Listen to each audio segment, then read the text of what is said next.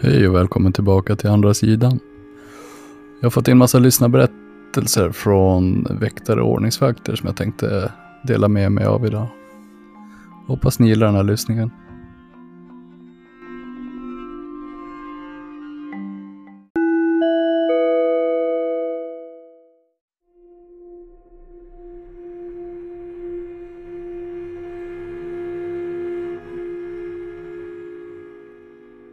Jag har en kund i Stockholm som jag arrenderar två gånger per natt. När jag kommer fram till kunden parkerar jag på lämplig plats, kliver ut ur bilen med min mobiltelefon redo för att ringa en polare. Får alltid en obehagskänsla av det här stället.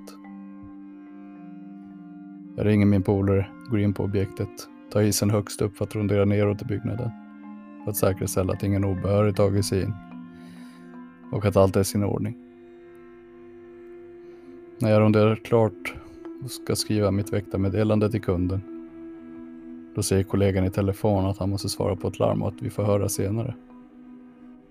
Jag tänkte inte mer på det för jag har bara meddelandet kvar att skriva. Jag sätter mig ner, tar fram väktarmeddelande, blocket och river av en sida och börjar skriva. Då är plötsligt smällde en dörr igen så pass hårt att rutorna började skaka kastade väktarmeddelandet i luften av rädsla och sprang. Jag hann ut innan meddelande hann nudda golvet. Jag bytte distrikt för att slippa det här. Slippa den här jävla ronden.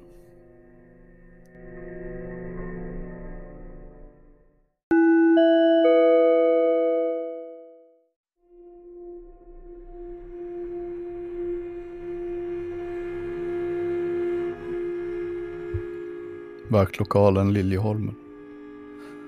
Hör folk som går i trappan, ropar och kollar, men det är helt tyst. När jag sätter mig så börjar det gå i trappan igen. Tryckknappen för låset till vaktlokalen låter ofta. Hör ofta hur folk pratar. Det låter som män. Går ut och kollar. Ingen där. Går till grannföretaget. Men det är låst och släckt. Radion och tjänstetelefonen hamnar ofta på andra ställen än där jag lagt dem. En gång fick jag leta men hittade inte mina saker. Hör att radion låter inne på toaletten och där hittar jag allt liggandes tillsammans i handfatet. Folk knackar på dörrarna men det är ingen där. När hunden var på besök så tokmorrade hunden mot hörnet. Där vid radiouppställningen låg. Det tog emot när man skulle gå in i lokalen, som att man inte var välkommen. Man hör folk gå på utsidan och kommer mot dörren och man hör hur det klickar i dörren men ingen kommer in och ingen syns. Jag sitter ju i kontoret så jag ser ju allting.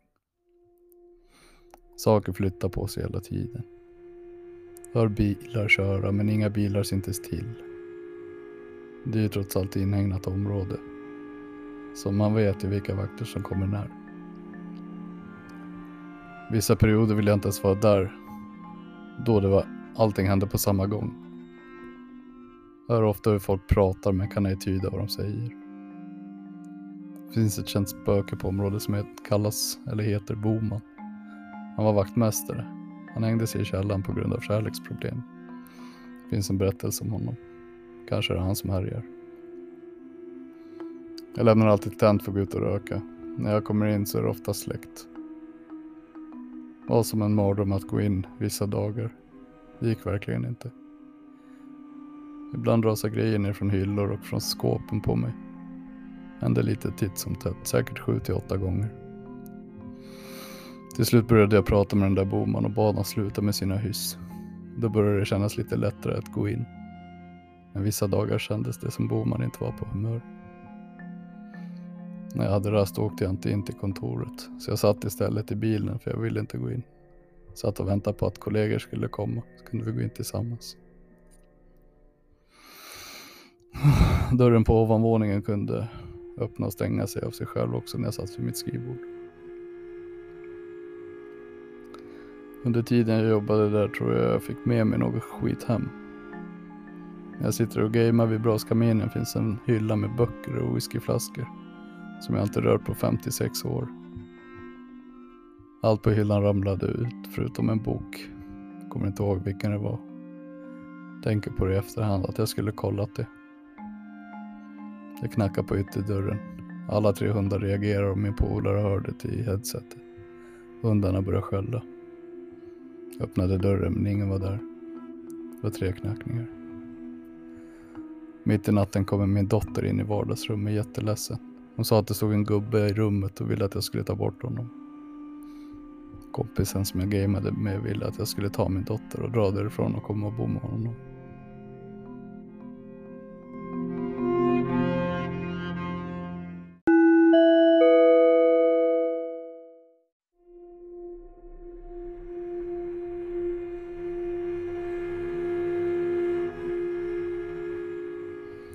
En söndagskväll sent på hösten så hade jag en rond på ett objekt. Då fick jag ett alarm inne på samtliga sektioner. Så jag gjorde en inre kontroll och insåg ganska fort att det var ingen på plats. Även om larmet visade motsatsen. Jag går sedan ut och ska larma på.